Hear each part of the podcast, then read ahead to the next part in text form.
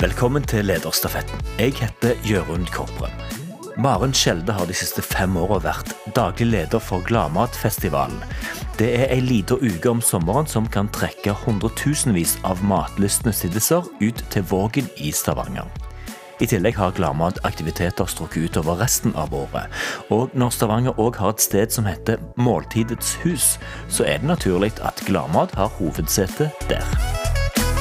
Lederstafetten med Jørund Kopren. I Måltidets hus så er det riktignok nå litt mindre matlaging enn det var når det åpna, men det er helt riktig. Her sitter det både forskning, og her sitter det stor havbruksnæring etter hvert. Og her sitter eh, Det Norske Måltid, bl.a., som vi jobber veldig tett med og sitter vegg i vegg med. Um, så vi har på en måte noen daglige sånn, samarbeidsprosjekter som, som det er bra å sitte så tett på folk fordi at du går rett over gangen. Og så syns jeg jo at eh, hus har en posisjon nasjonalt som jeg syns er kjekt å støtte opp om. Og det å på en måte ha et hus hvor vi understreker viktigheten av matregion Rogaland, eh, har virkelig noe for seg. Og der, eh, det kommer sikkert ikke til å eh, reduseres med året, for å si det sånn. Jeg tror at her kommer det bare til å vokse av, av gode matrelaterte aktører. Vi skal snakke mye om uh, gladmaten tror jeg, etter hvert. Men, men fortell litt eh, om hvor du begynte. henne. Hva, som var, hva var din reise inn i den jobben som du har nå? Um, altså, Jeg har jo jobbet med mat- og i serveringsnæringen i hele min arbeidskarriere. Jeg begynte vel egentlig ja, mens jeg studerte, og, og jobbet på restauranter og, og ja, forskjellige kafeer opp igjennom. og Eh, havna helt tilfeldig på Finse, på eh, hotellet der oppe, Finse 1222. Eh, hvordan havner du tilfeldigvis på Finse? Ja, Det er jo fordi at jeg kjente folk som var der. Eh, jeg kjente ikke stedet fra før. Jeg var da i Oslo og studerte eh, historie grunnfag av alle ting som absolutt ikke passet meg. Og, og strøyk på eksamen og tenkte nei, dette her måten å, studere på passer ikke meg, jeg må gjøre noe annet. Og så, Da var jeg 22-23 år og lurte på hvor jeg skulle hen, og så var det da noen som tipsa meg om Finse.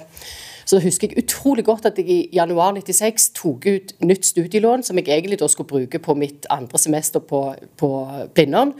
Kjøpte nye ski, nytt norrøna utstyr, og så tok jeg toget til Finse. Og så ble jeg værende der i mange sesonger, og fant ut at jeg etterpå skulle begynne på Hotellhøgskolen. Så den jobben der ga mye føringer på hvor jeg skulle begynne. Jeg var ikke akademisk anlagt i den forstand i det hele tatt. Og så um, har jeg vendt tilbake til Finns i to omganger som direktør. Og uh, jobbet Ja, nå går jeg litt gjennom CV-en min, for det er vel ja, litt det du var ute etter.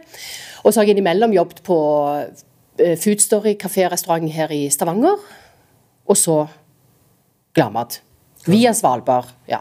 Ja, Svalbard òg, ja. Det hadde vært opp med noen radiogreier, så jeg. Hva, hva, var det for noe? Ja, altså Det var et eventyr eh, på mange vis. Eh, Isfjord radio, så det, det, det, var ikke relatert til radio for min del i det hele tatt. Men det var altså det sånn jeg så det. ja, og det var gamle, den gamle radioforbindelsen til fastlandet. Stemmer. Så dette, det, det, var en radiostasjon eh, opprinnelig som ble gjort om til overnattingssted og hotell, som ble drevet av Basecamp på Svalbard. Eh, ti mil fra Longyearbyen, ytterst i isfjorden, på innseilingen til, til Longyearbyen. Eh, med meg og to andre som jobbet. Uten mobildekning og med helt sinnssyke natur rett ut forbi dørene. Og et helt annet liv som jeg hadde i et år i en sånn mellomfase som jeg ja, hadde veldig behov for å ha på den tiden. Ja. Men Er det noen fellesnevner, siden du trivdes så godt på Finse der det er kaldt, og, du, og Svitsbergen der det er ikke så varmt? Ja, altså, jeg har jo hatt eh, Jeg tror nok mye egentlig bunner i Finse, som, som, jeg merker at jeg snakker om i veldig mange anledninger. Det ligger hjertet mitt nært, og det er en stor del av min identitet. Og der har jeg bodd i ti år i mitt eh, voksne liv. Og, og, det stedet har jo betydd enormt mye for meg. Og, jeg, eh, og, og det danner nok sikkert en, en Eh, veldig eh, elsk på øde natur. Og Svalbard har jeg alltid drømt om, og så kom den sjansen opp, og da var timingen bra for min del òg. Her ligger jo paradokset, at du drar fra det som ligger litt eh, avsides og, og stille, til en, en, folkefest i Stavanger. Hva var det som gjorde at du syntes det var en god idé å begynne med? Um, altså, Gladmat har jo, for meg òg, som for veldig mange andre, en, en veldig sterk posisjon. Altså, Vi alle vet om Gladmat, vi gleder oss til det. Uh, fra starten, når, det, når Gladmat åpna, så var det med litt ambivalens. For da jobbet jeg som daglig leder på Hansenhjørnet og vi skjønte nesten ikke helt hva som traff oss i, tilbake til 98-99. Uh, men stort sett bare en veldig uh, glede knytta til den festivalen. Og når den jobben som daglig leder kom opp, så hadde jeg tidligere det hoppet jeg over i litt sånn rask gjennomgang av CV-en. Jobbet som prosjektleder for Gladmat i 2009, så jeg hadde litt kjennskap til organisasjonen. Og så tenkte jeg som så at når jeg da har eh, jobbet med nokså stort lederansvar og, og um, hatt mye folk som rapporterer til meg, så hadde jeg et behov for å ikke ha uh, den type ansvar i neste jobb. Men jeg syns jo serveringsnæringen matnæringen er utrolig kjekk.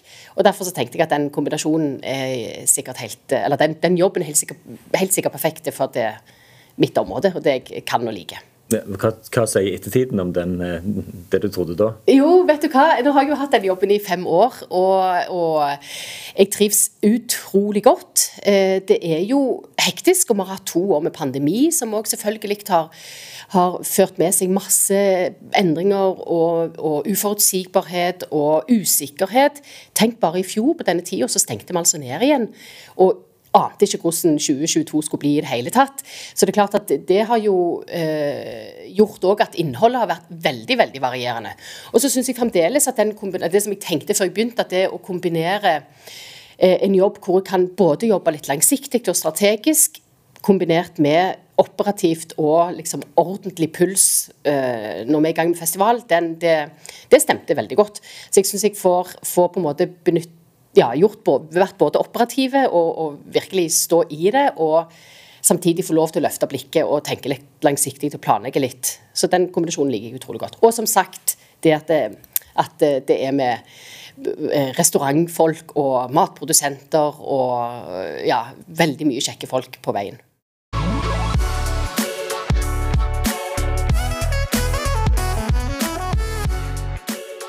Når du begynte der, eh, så, ble jo du et, eh, et slags knytningspunkt for veldig mange mennesker som skulle eh, samordnes for å få til noe som skjer en gang i året. Vanligvis, iallfall fram til 2020. Fortell hvordan var det å starte med det? Hva, var det du, hva var det som traff deg da?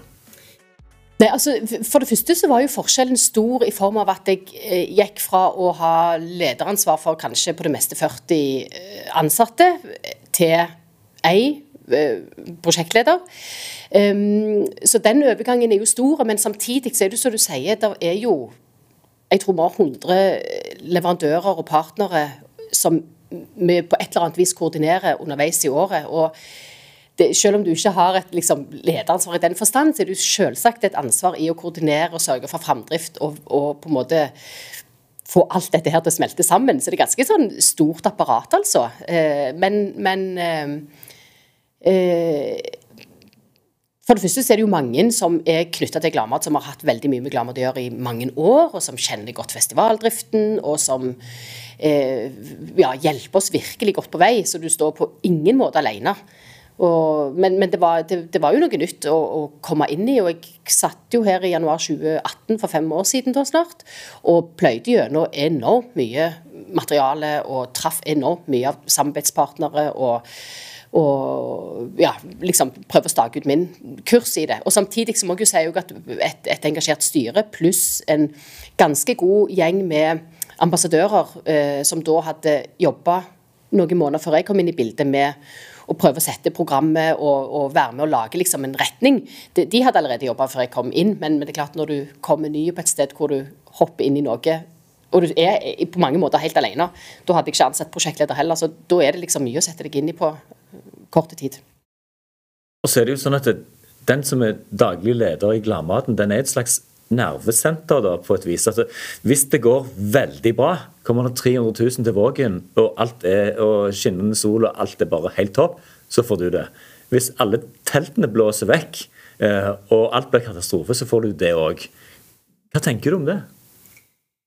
Mm, jeg kjenner virkelig på ansvaret. Det, det bruker jeg jo ganske mye merket det i vår, altså. Da hadde vi jo hatt to år etter, etter pandemi. og det, det slo meg da virkelig at eh, ansvaret er ganske tyngende. Og eh, jeg har en kjempeflink psykolog som jeg snakker med, som virkelig pepper meg. altså. Det, og jeg skal kjenne på det ansvaret. Det skulle virkelig bare mangle. Um, og samtidig så trøster jeg meg med, eller jeg, jeg har med meg at det, det, er et engasjert styre og veldig gode leverandører og samarbeidspartnere og stab som er med og gjør ting. Og jeg vet at det, jeg for mange er en synlig person, men det er klart at det er jo haugevis med folk som går i Vågen som ikke aner eller relaterer seg til meg overhodet. Og det syns jeg jo er litt, Nei, litt god tanke òg. Men jeg har aldri følelsen av at jeg står alene i det, selv om jeg vet at ansvaret er mitt. Vi skal snakke litt om den organisasjonen, organisasjonen din òg, som, som, vokser og krymper litt sånn etter sesongen. Men, eh, men hvordan er det å Nå snakket jeg med Leif Johan Sævland sist, og det å ha ONS det er jo et innendørs arrangement. Så det går det stort sett greit uansett hvordan det ser ut ute. Men det å ha et arrangement som du jobber hele året for å knytte ned til ei lita uke i året, der du er avhengig av noe som du ikke har kontroll på, hvordan er det? Og det er, er mm, en øvelse i å tenke at uh, det, det får ikke ha noen ting å si. Og så vet vi jo så vel at klart har det massevis å si. Men, men eh, jeg kan ikke la det påvirke verken planlegging eller psyken for mye, fordi at eh, da kommer vi liksom ingen vei. Og, og, nå har vi jo hatt mye fint vær, men det har jo søren meg òg vært dårlig vær innimellom. Og ja, ja, det er klart det påvirker salget for noen. Og, og er det for varmt, så er det for lite folk i Vågen fordi at da er de på stranda kanskje, eller de orker ikke gå i byen. Sånne faktorer er det bare. Og jeg eh, det, det er en påkjenning innimellom, spesielt når det nærmer seg. Og så er det en øvelse i å, å holde det litt i sjakk, og ikke la det få bety altfor mye. Hvordan har du det sånn uka før du knipper snor, holdt jeg på å si? Um, den, den uka er ikke så gal, syns jeg. For dette, da, uka før så er vi jo godt i gang med rigging. Og da er jo liksom det du har sittet planlagt, skal jo skje på ja, omtrent ei uke, altså. Halvannen kanskje i, i faktisk bygging. Og eh, da, da, er, da, går ting så fort at du da, Og da kjenner vi at nå er vi liksom i gang. Men en måned før, da, det, det, da kan jeg være ganske skranten. Mm. Hva gjør du da? Nei, Da har jeg jo som sagt en god psykolog som jeg snakker med, annet. Og så eh, øver jeg meg i det som jeg har gjort alltid, og det er å liksom prøve å skille viktig fra uviktig, og, og ta tak i de tingene vi kan gjøre noe med. og og levere så godt vi bare kan, og jobbe som bare det. Herlighet. Kan du si noe om hvordan du prioriterer, hvordan du skiller det som er viktig fra det som ikke er viktig? Um, ja, det er jo et godt spørsmål, og, og det var jo jeg som brakte det inn. Og det er noe jeg har tenkt på når jeg har jobbet i drift. For jeg har jo på en måte drevet hotell og kafé, restaurant, og det er jo en næring hvor ting skjer fort, det er travelt, det er mye fra dag til dag. Fra time til time i noen tilfeller. Og eh, hvis du da Og jeg har tenkt liksom helt tidlig, eller jeg har ikke tenkt at det, nå skal jeg skille viktig fra uviktig, men jeg har merket i etterkant at det er noe jeg kan være flink på. Fordi at det dukker opp ting hele veien som du skal ta stilling til. Og eh, jeg, jeg, tror kanskje at det er rett og slett en litt sånn egenskap. og Jeg er jo ikke alene om det, men det er noe jeg har tenkt på at det gjør at jeg kan komme gjennom ekstremt travle perioder. Mm, både sånn mentalt, men òg i, i, i virke. Liksom skyve unna det som du ikke trenger å bruke tid på nå, og ta tak i det som du er nødt for å håndtere. Og de, det, Dette er ting som jeg syns spesielt i, i gladmatoppkjøring og gjennomføring, det bare kommer. For det er klart at hvis uh, vi skal ta inn over oss alt som kommer seilende de dagene, så Det hadde vært for mye, liksom. Jeg, det er noe med å børste ting litt av òg, og, og, og, litt sånn tidsmessig ta det når du kan og må, og så løfte opp det som virkelig trengs å, å, å gjøres noe med der og da. Så dette Eh, den organisasjonen din den, den vokser jo litt eh, mot eh, selve arrangementet. Men akkurat nå, mellom november og desember, hvordan hvordan er, hvordan er det på jobb nå? Hvor mange er dere? Ja, Glamad er to årsverk. Eh, og I tillegg så er det så du sier, vi knytter til oss masse leverandører og folk som skal være med og gjennomføre festivalen. Så underveis i både oppkjøring og gjennomføring og avvikling så er vi jo en stab på kanskje 20-25. Og så er det jo jevnt over i året eh, flere som er med oss, altså kommunikasjonsfolk og sosiale medier som er med oss hele året. Ikke veldig store stab, men to-tre som vi eh, har med oss. Um, og så satt jeg og tenkte på det nå òg, at jeg har en veldig full kalender nå. Og jeg syns jeg har egentlig hatt en ganske travel høst òg, fordi vi gjør jo ikke bare festivalen. Og vi skal være kjempeglade og stolte over at det der er at vi jobber med en festival som er så som sagt, kjent og så godt besøkt og så godt likt av så mange. Det kommer ikke av seg selv, det heller. Og det, det, og det er ikke alle som får til det, så vi skal virkelig liksom løfte det opp og, og synes at det er kjekt. Og samtidig så gjør vi masse aktiviteter gjennom året som knytter seg til eh, speed, ja, forskjellige prosjekter. Speeddating gjør vi mellom kokk og produsent, og vi gjør forskjellige tiltak, tiltak med eh, lærlinger på matfagene for å prøve å være med å bidra til å bedre rekrutteringen til faget. Og vi gjør andre tiltak knyttet til lokalmatprodusenter, og mer skal det bli til neste år. Så vi sitter med et ganske pakka årshjul, og eh, jobber selvfølgelig mye med, med, med, både planleggingen av det og finansiering. Så selv om, men, men spørsmålet ditt om stab, så er vi da to stykker som jobber. Kjempeflinke prosjektleder som heter Malin. Men hvordan er din rolle akkurat i de dagene i forhold til resten av året, når, du, når dere ikke er der på, på arenaen? holdt på å? Ja, altså, Da er min rolle tror jeg, mye mer utøverretta. Da er jeg mye mer i kontakt med eh, både presse og eh, andre som på en måte trenger avklaring på ting og tang. Jeg er i kontakt med mye kunder, fordi vi skal jo ha egne arrangementer eh, som vi ønsker å få med partnere på, bl.a. Så mye av den planleggingen Eh, altså Noe av det vi planlegger i detalj, sitter jeg med helt til slutt. Som er på en måte eh, koordinering kanskje av de som skal være med i kokepunktet. Hvordan skal vi legge opp kjøkkenfesten, som var et prosjekt vi hadde i, for første gang nå i sommer, som vi skal fortsette med, som var veldig kjekt. Som var et som minglearrangement hvor vi ønsket å vise fram fagfolk og gode råvarer. Og, og gjøre det til en sånn hyggelig to timers eh, seanse med konferansier og litt underholdning. Det sitter jeg ganske mye med i detaljene til liksom, de begynner å, å, kjøre gjennom. Mens det aller meste av detaljer, heldigvis, har jeg ikke så mye med å gjøre når vi er i oppkjøringen. Men vi er jo en veldig liten stab, altså. Det merket vi i sommer. Vi, vi må være mer robuste til å uh, klare Sånn at vi klarer å sette til livs alt det vi planlegger. Det var noe vi ja, ikke fikk til i sommer, som jeg ikke tror publikum merker så mye av, men som har litt å si for driften sin del, og litt å si for hvordan vi ønsker å få til ting. Kan du si noe mer om det? Hva, er det noe som hadde tenkt eller planlagt dette skal skje da, og så når det kom til stykket, så det, fikk dere ikke det? Ja, og det har det sikkert vært i større eller mindre grad alltid. Eller i hvert fall har jeg medsittet igjen med det når vi evaluerer. Og helt opplagt, for det er jo ekstremt mye vi planlegger. To stykker pluss pluss, de som skal være med og på en måte gi innhold og, eller si, ha innspill på hvordan arenaen skal være og sånn. Men det er jo mye Malin og meg som sitter med tingene, og så skal vi på et eller annet tidspunkt få dette ut til de som skal gjennomføre det. Og det er klart at når vi er så små og knytter på såpass mange ekstra, da, selv om det relativt sett i totalen ikke er et hav med folk, så er det likevel ganske mange som skal hoppe inn i tanker og ideer som vi har sittet med i nesten et år. Og, og, det er ikke like lett å, å, overføre det. Og den overføringen kjente jeg på at det, det, den må vi rett og slett gjøre litt annerledes. Vi må få de som skal være med og gjennomføre på litt tidligere. Legge det inn i budsjettet, sånn at vi har råd til å ta inn folk ikke bare ei uke før, men kanskje to-tre uker før. Sånn at de får litt større eierskap til det som skal skje. fordi at det er altså så utrolig mye detaljer som skal på plass. Og mye mer enn det jeg liksom Jeg glemmer det litt ut òg fra år til år. Og når du står i det, så er det altså helt utrolig hva ting som skal på plass. Og sånn som Malin sa etter festivalen i år, at bare det å ha kontroll på de som har faste parkeringsplasser i byen, f.eks. Dette er jo en ubetydelig detalj, men allikevel et eksempel. Eh, vi, opptar jo veldig mange av de faste parkeringsplassene i byen. Og alle de som da pleier å stå der, trenger et annet sted å stå, og det må vi sørge for at de får.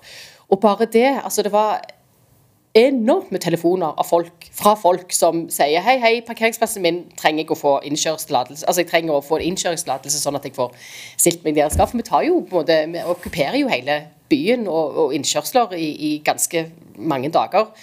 Og bare den koordineringen der var sånn Ja vel, dette her vi helt, eh, var, var, vi ikke helt forberedt på. Fordi at òg Gladmat ble jo nå arrangert ikke midt i fellesferien. Som betyr òg at det, det, det, førte med seg noen sånn driftsmessige, operative forhold da, som vi måtte håndtere på litt annen måte. Du kan ikke bare sende det på hjemmekontor, sånn som de har vært vant med? nei, nei, nei. Og, og, det skal vi ikke gjøre heller. Vi skal virkelig sørge for at eh, de er fornøyde, selv om vi tar noe som er deres. Og, eh, det, og det er ikke vanskelig å få til, det er bare en, en detalj av et hav av detaljer som, som må fikses. Det er ikke så vanskelig å forstå at dette er en stor logistikkoperasjon, men når vi snakker om det, så kjenner jeg på at det der må være helt enormt mye arbeid å passe på at alt det der er på plass. Hva, hva har du lært i disse årene om, om, logistikk? Er det noe du kan bringe videre til den som hører på? Altså, dette, dette, er smart å tenke på for å få noe sånt til å virke. Ja, altså eh, Jeg tenker først og fremst på at eh, eh, jeg prøver så godt jeg kan å bruke alt det vi har av gode partnere og leverandører godt. De sitter på mye kompetanse.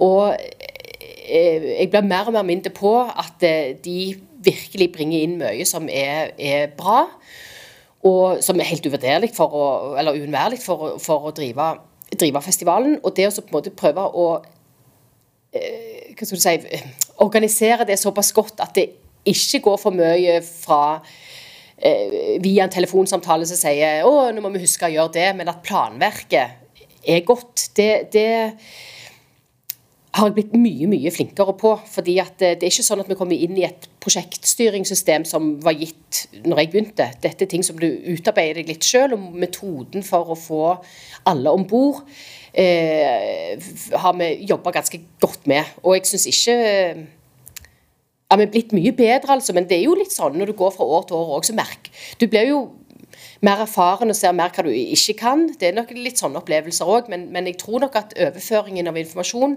er vi blitt mye flinkere på. Selv om vi har ja, som jeg beskrev litt i stad, der, der, der, er mange ting som skal på plass òg for at vi kjenner at å, i år dreiv vi skikkelig godt. Den satt jeg ikke, den har jeg aldri sittet igjen. Jeg trodde du kom en gang til det stedet at nei, nå, er vi ferdig. ja, nei, jeg, jeg, det, kanskje, altså heldigvis. Nei, det er klart vi gjør ikke det. Det er en så stor festival og med så mye folk involvert. Og selv om noen ting går bedre, selv om vi har bedre sorteringsgrad, for å snakke litt mer om det sirkulære arbeidet vi gjør, enn vi har hatt før, som er utrolig kjekt, og det er utrolig kjekt at vi kan få publikum til å være med og, og sortere. Det, det har vi som sagt aldri fått til før. Og men samtidig så vet vi at utstillere har en lang vei å gå for å liksom, Der kan de være med å hjelpe, og måten å få de til å forstå at dette er viktig. De òg står jo med helt utrolig travle dager. Og det er klart at det, det, det er ikke det første de tenker på at eh, Hvor skal jeg hive dette bananskallet? Altså, det skjønner jeg jo. Utrolig dårlig eksempel. Fiskeskinnet, da. For å prøve å si litt om metode, så er det klart at den, involveringen av de er jo òg utrolig viktige. Men det er veldig mange folk vi skal nå på korte tid. Så, så der må vi bare jobbe sånn at vi eh, involverer de mye tidligere. Kan du si noe om noe dere ikke gjorde når du starta, og noe som dere gjør nå, så dere har lært at dette det var lurt å gjøre? Å herlighet, det var, syns jeg òg var et vanskelig spørsmål. Eh, akkurat nå satt jeg og kjente på at jeg følte meg ikke var blitt bedre i nesten i det hele tatt. og vet du hva, litt sånn Jeg syns jo at eh, vi har jobbet utrolig mye med kommunikasjon de siste årene. Og, og eh, det å få fordi, Nettopp fordi at det der er så enormt mye informasjon vi skal spre til så enormt mange folk. Og det å sørge for at vi har en, en, plan på det, har vi jobbet veldig mye med. Og det er litt sånn, kanskje litt sånn dumt eksempel, for det, det viser ikke at det, det er ikke så godt å vise igjen i resultater, men for å bruke dette sorteringen da, som et eksempel, så ser vi at ok, dette her er noe vi har virkelig jobbet for å få fram. Vi gjorde en pilot under pandemien og gjennomførte det videre i, eh, nå i eh, år med fullskala festival. Og det å se at det er mulig, det, det har vært utrolig kjekt og inspirerende, syns jeg. Og da har vi gått fra i 2018, min første festival, til hvor vi hadde sånn 600 liters dunker med restavfall, til å ha i, nå i 2022 fire fraksjoner hvor publikum skal sortere. Og det har gitt gode resultat. Så, så det er et eksempel kanskje på, på, at vi gjør noe med driften som, som er bedre, og som virker. Men igjen, der er, vi har lang vei å gå for å bli så bra som vi ønsker.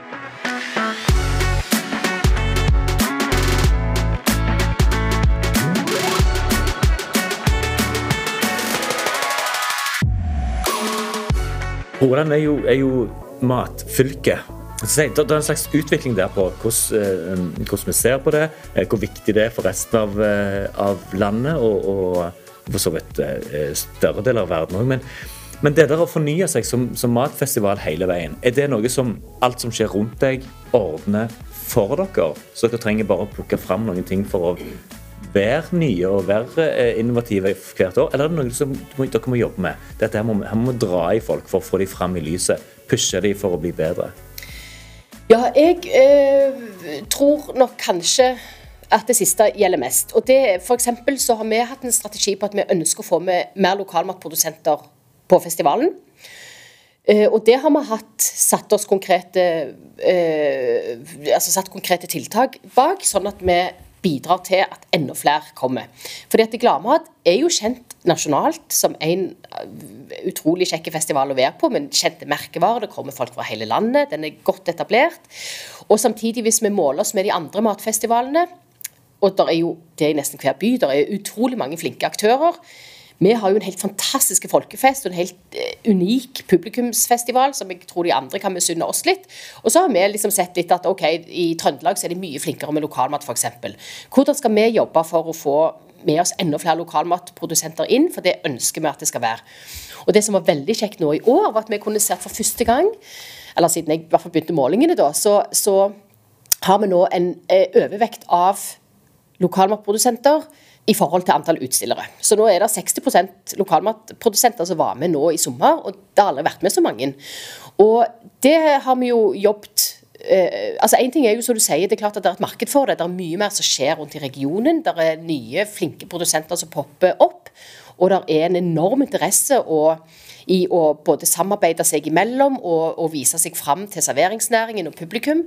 Så, så timingen er òg god, selvfølgelig. Men det er klart at det, når vi har eh, vært så målretta, vært og snakket med utrolig mange, snakket med de overbygningene, jobb, subsidiere. Vi gjør liksom forskjellige tiltak for å få så mange som mulig med oss. Så er det jo veldig veldig kjekt at det skaper resultater. Men det handler jo òg om som du sier, en timing og en, en veldig satsing fra både Stavanger og Rogaland eh, som fylke til å løfte opp mat som en viktig næring.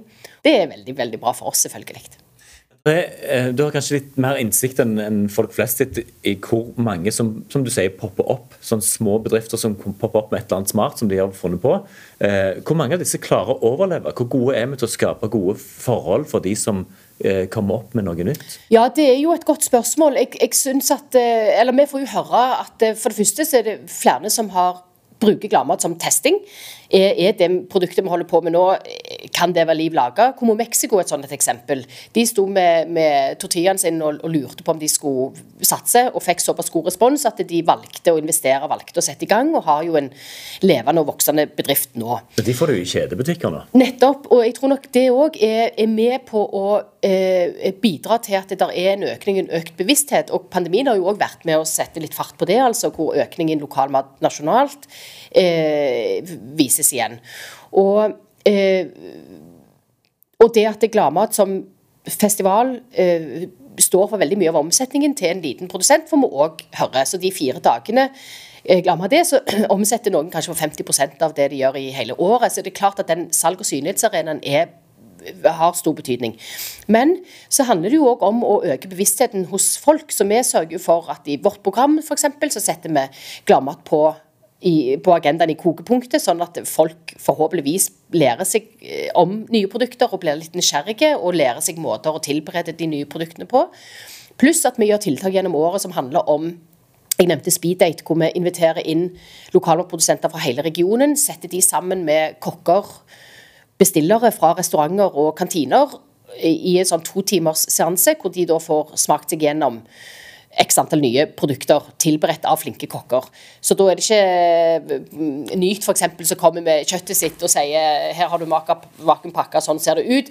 Da kommer kokkene og, og bestillere på en måte fra restauranten og får servert kjøttet sånn som Georg Fredrik ønsker at det skal bli servert og samtidig få tilbakemelding.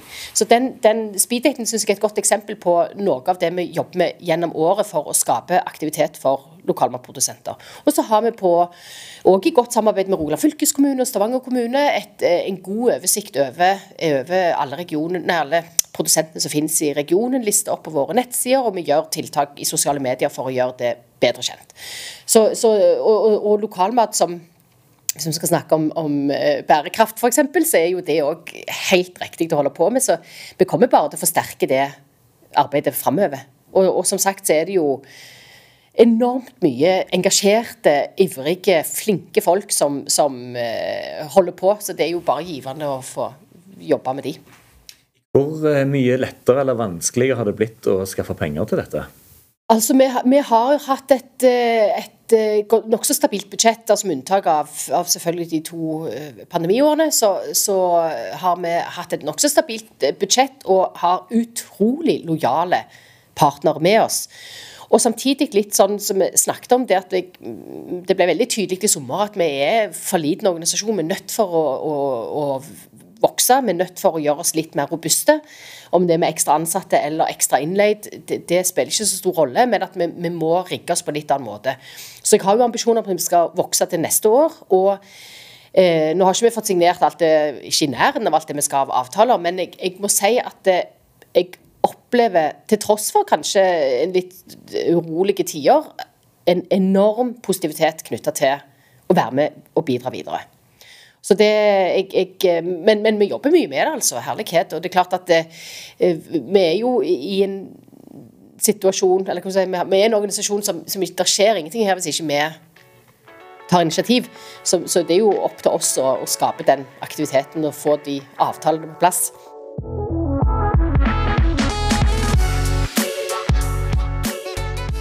Fortell om en gang du eh, kjente på at okay, dette gikk ikke helt som forventa. Her gikk jeg med andre forventninger enn hva som ble resultatet. Ja, jeg har i hvert fall vært i situasjon hvor jeg eh, ikke har fått det til. Verken som leder i, i, i, form av eh, personlige egenskaper eller det å skape de resultatene vi hadde som mål.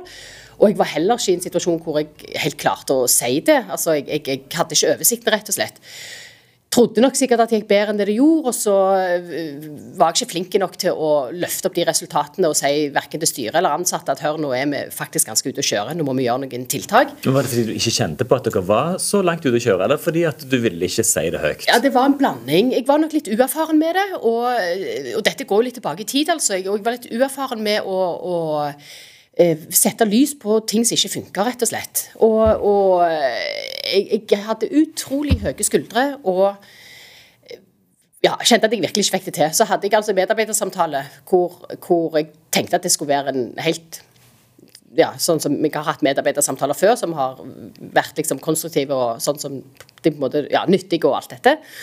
Og så hører jeg bare, bare at hun sier at uh, du bare no, Jeg må bare si på vegne av mange, altså. Vi syns ikke det er noe kjekt å jobbe med deg lenger. Og Oi. det var Den kjente du ja, på? Ja, det, det, var ganske heftig, altså. Og da kjente jeg at herlighet, nå må jeg, nå må jeg gjøre noe. Dette går ikke, nå må jeg rydde opp.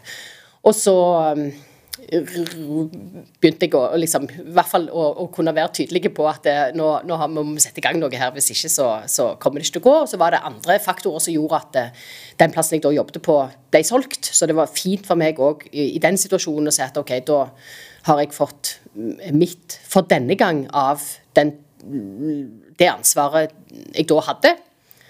Og da dro jeg til Svalbard og hadde, hadde ett år med rekreasjon før jeg kom tilbake igjen og drev, drev på nytt på, på Finse da, for andre gang. Så vet vi hva vi skal gjøre hvis vi får en, går på en smell. Men, men, men hva, eh, hva, lærte du av det? Hva var det du tok med deg videre? Hva var det du endra på pga. denne samtalen?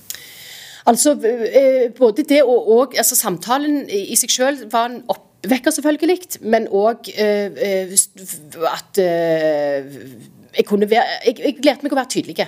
Jeg lærte meg å, å Eller jeg, jeg, prøvde å lære meg at det, selv om resultatene er dårlige, så må jeg jo fortelle om det.